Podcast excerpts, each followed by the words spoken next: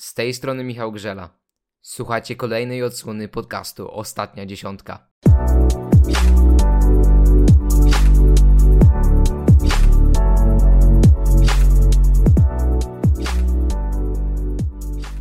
Przez lata turniej czterech skoczni był dla polskich kibiców symbolem porażki. Nawet znakomita forma naszych reprezentantów tuż przed startem imprezy okazywała się niewystarczająca do walki o najwyższe cele. Ostatnie kilka edycji to jednak całkowite zaprzeczenie tych słów. Na przełomie 2020 i 2021 roku pod batutą Michala Doleżala Polacy napisali kolejny wspaniały rozdział swojego panowania na prawdopodobnie najważniejszych skoczniach Niemiec i Austrii.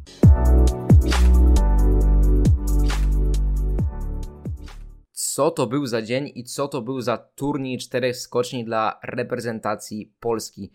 Podopieczni Michala Doleżala napisali naprawdę wyjątkową historię.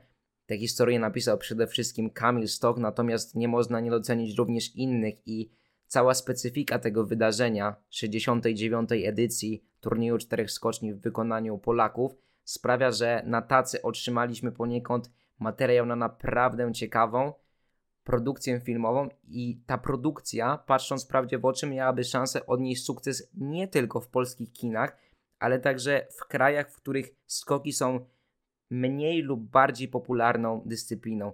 Nie o tym jednak będziemy się w tym momencie rozwodzić, dlatego że wypadałoby nieco chronologicznie sobie ten turniej poukładać i zaczniemy od tego, że przypomnimy sobie, przypomnimy sobie to, co działo się w Oberstdorfie, a jak doskonale pamiętacie, wówczas mały włos, a Polaków w ogóle nie byłoby na starcie. Wszystko za sprawą tego niefer, nieferalnego, tylko nieszczęsnego testu Klemensa Muranki, który początkowo był pozytywny, a później okazał się fałszywie pozytywny. I Polacy koniec końców w Oberstdorfie się pojawili i pojawili się naprawdę w znakomitym stylu, w znakomitej dyspozycji. Już wtedy Kamil Stok wysłał sygnał do Halvora Egnera Graneruda, do Karla Geigera czy do Markusa Eisenbichlera, który jasno pokazywał, że chłopaki, ja naprawdę jestem w dobrej formie i jestem w stanie powalczyć o końcowy triumf w tej edycji turnieju. Drugie miejsce, super wynik, potem czwarte w Garmisch-Partenkirchen przy zwycięstwie Dawida Kubackiego i trzecim miejscu Piotrka Żyły. Wszystko układało się znakomicie i nie inaczej było również w części austriackiej tejże edycji 69, o której sobie w tej chwili mówimy.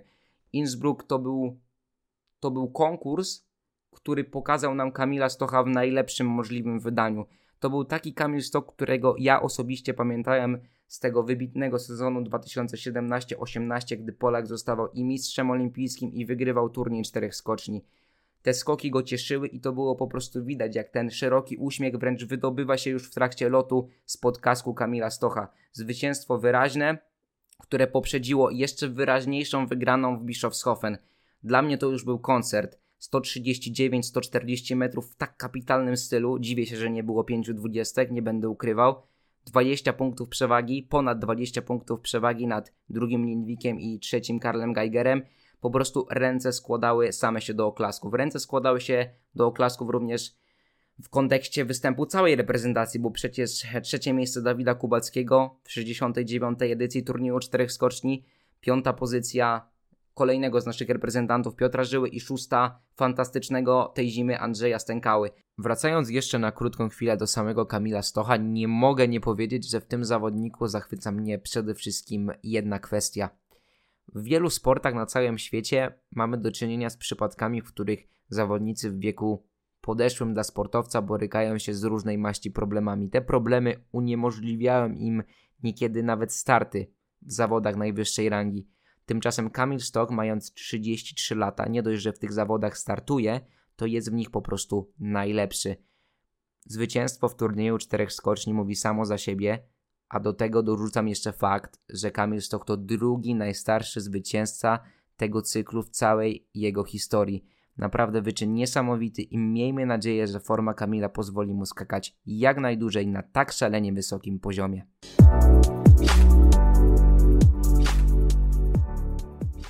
Wszystkich, którzy podejrzewają mnie o to, że zapomniałem o słowach Halvora Egnera Graneruda po rywalizacji w Innsbrucku, uspokajam. Pamiętam doskonale o tej kwestii i właśnie o tym porozmawiamy sobie w tej części ostatniej dziesiątki, tak więc zapnijcie mocno wiązania, odepchnijcie się z deski, no właściwie z belki, a nie z deski, chociaż jak kto woli. W każdym razie liczy się dobre wyjście z progu i wsłuchanie w temat.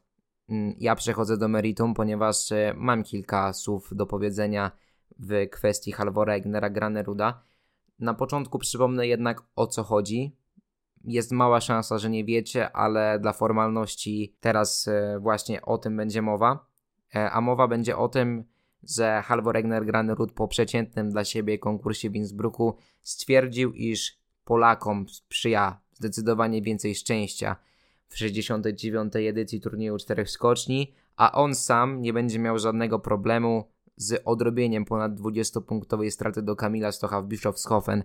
Z tego co pamiętam, pojawiła się również wstawka o tym, że znów wygrywa Kamil Stoch, choć było to dla niego pierwsze zwycięstwo tej zimy.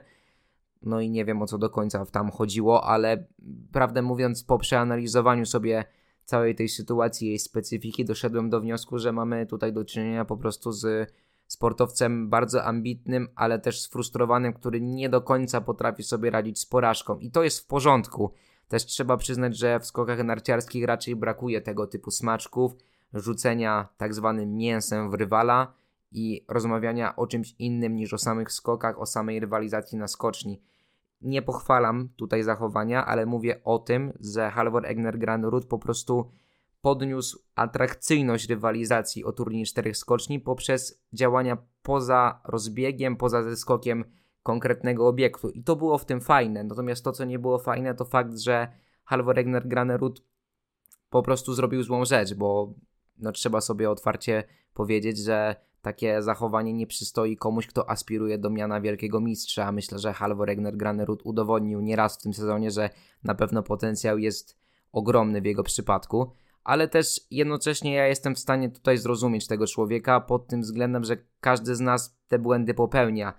I sam fakt, że Halvor Egner Granerud y, musiał pogodzić się z porażką, musiał pogodzić się z porażką na skoczni, a także z tym, że ludzie nie polubili jego słów, a wręcz przeciwnie, to wszystko sprawia, że skoczek z Norwegii ma teraz do odrobienia naprawdę trudną pracę domową, ale jeśli odrobi ją w sposób odpowiedni, to zaprocentuje to w przyszłości i tutaj to jest dla niego w tej chwili najważniejsze. Po najgorszym wyniku całej zimy, mowa tutaj o 12 pozycji w Bischofshofen, teraz czeka go trudne zadanie w postaci próby odbicia się od dna. Jeśli przejdzie tę próbę pozytywnie, to będziemy mogli tutaj mówić o kimś więcej niż tylko o przypadkowym Nor Norwegu, który pojedynczy wyskok zanotował w tym sezonie bo dobrze wiemy, jak to z tymi Norwegami bywa. Tande, Forfang, Johansson, wszyscy tak naprawdę zaliczają się do tej grupy. Reasumując, Halvor Egner Granerud zrobił błąd, ale myślę, że dla niego wystarczająco dużą lekcją pokory jest to, co wydarzyło się na skoczni. Nie trzeba mu w tym momencie dokładać dodatkowo poprzez komentarze, bo ja tutaj zadam takie pytanie, którym zakończę ten wątek. Czy ktokolwiek z nas może przyznać się z czystym sumieniem, że nie zrobił w swoim życiu czegoś bardzo, bardzo głupiego.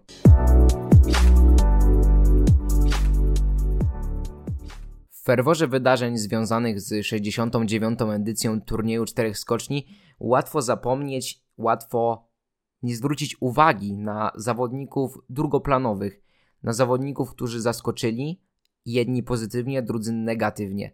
Do pierwszej grupy, do grupy, która może być w pełni zadowolona ze swojego występu w turnieju czterech skoczni, należy m.in. Andrzej Stękała, który przecież po dziesiątym miejscu na Mistrzostwach Świata w lotach w Planicy teraz dołożył fantastyczne szóste miejsce na turnieju czterech skoczni w klasyfikacji generalnej tego turnieju. Polakowi należą się ogromne brawa, nieco większe niż Ryoyu Kobayashimy, który chyba teraz uchodzi za jego kolegę jako również szósty zawodnik tegorocznego TCS-u. Oczywiście skala osiągnięcia zupełnie inna. Japończyk zna smak wygrywania w Pucharze Świata, zna smak triumfu w całym turnieju czterech skoczni, ale patrząc przez pryzmat tylko i wyłącznie tej zimy i mając w pamięci jej początek, gdzie Kobayashi skakał naprawdę przeciętnie, myślę, że on sam jest zadowolony z faktu, iż udało mu się doczłapać do ścisłej światowej czołówki i udało mu się wysłać sygnał, sygnał ostrzegawczy o tym, informujący o tym, że Ryoyu Kobayashi nie zapomina o Mistrzostwach Świata w Oberstdorfie, które odbędą się na przełomie lutego i marca i tam może liczyć się w walce nawet o medale. Podobny sygnał, co prawda o nieco mniejszej sile, ale wciąż wysłał również Peter Preutz, który był dziewiąty w turnieju, a zupełnie inne nastroje, nie tak pozytywne, wręcz przeciwnie, nastroje pełne strachu, nastroje, które są przepełnione znakami zapytania, towarzyszą reprezentacji Niemiec. Tak naprawdę wyjąwszy Karla Geigera, Niemcy zawiedli. Zawiedli zarówno zawodnicy z grupy krajowej, którzy nie sprostali oczekiwaniom, nawet najmniejszym oczekiwaniom, jakie można było wobec nich mieć. Nie dali, radę, tak, nie dali rady także ci z kadry A. Mówię tutaj o zawodnikach przede wszystkim, którzy zazwyczaj punktowali przed samym turniejem czterech skoczni, a teraz tak naprawdę mają problemy z zakwalifikowaniem się do drugiej serii. Ba, nawet Markus Eisenbichler ma takie problemy, bo przecież Polek w pierwszej serii konkursu Pucharu Świata w Bischofshofen. Jest to niepokojąca sytuacja i zadaniem Stefana Horngachera jest w tej chwili uspokoić to wszystko, dlatego że moim zdaniem turniej czterech skoczni, choć jest tak bardzo oddalony od Mistrzostw Świata, o których już wspomniałem, to może być to impreza, która zarówno podetnie skrzydła, jak i zbuduje konkretnych skoczków. A w przypadku reprezentantów Niemiec zagrożenie tym pierwszym jest naprawdę, naprawdę ogromne.